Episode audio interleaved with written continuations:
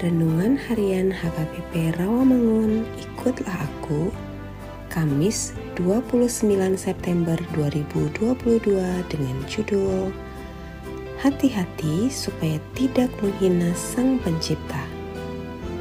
Bacaan kita pagi ini tertulis dalam Filipi 1 ayat 12 sampai 18 dan bacaan kita malam ini tertulis dalam 2 Raja-raja 25 ayat 1 sampai 30.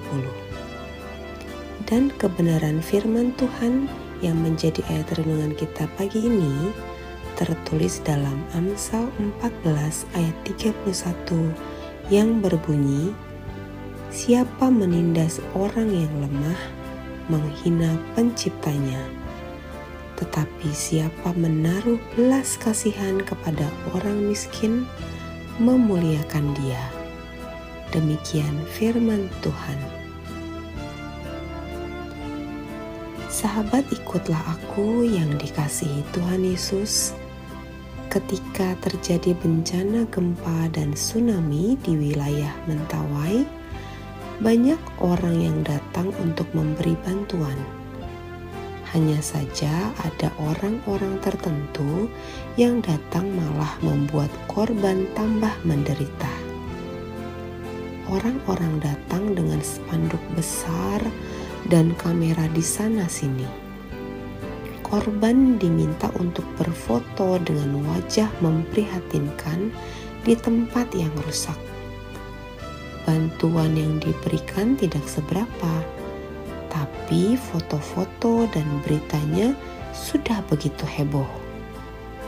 Suatu kali, seorang bapak dari korban itu berkata, Bapak Ibu yang terhormat, kami sudah kehilangan harta benda, bahkan saudara. Sekarang kami hanya punya harga diri.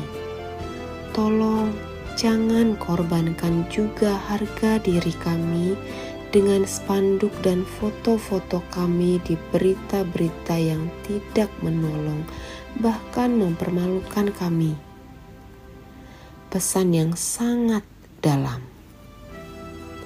Mungkin sering sekali kita berpikir bahwa tindakan kita adalah baik, atau bercanda dengan menjadikan kelemahan atau kecacatan orang lain menjadi bahan bercandaan, atau bahkan memelototi mereka ketika di depan kita.